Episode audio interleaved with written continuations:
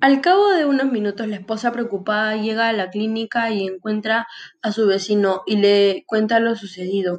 Después de dos horas, los doctores le informan que a su esposo lo diagnosticaron de esquizofrenia. Quedando muy consternada Sara y el vecino, dado que él nunca había presentado síntomas, el médico sugirió que sea internado en el centro de salud mental de Whittingham lo más pronto.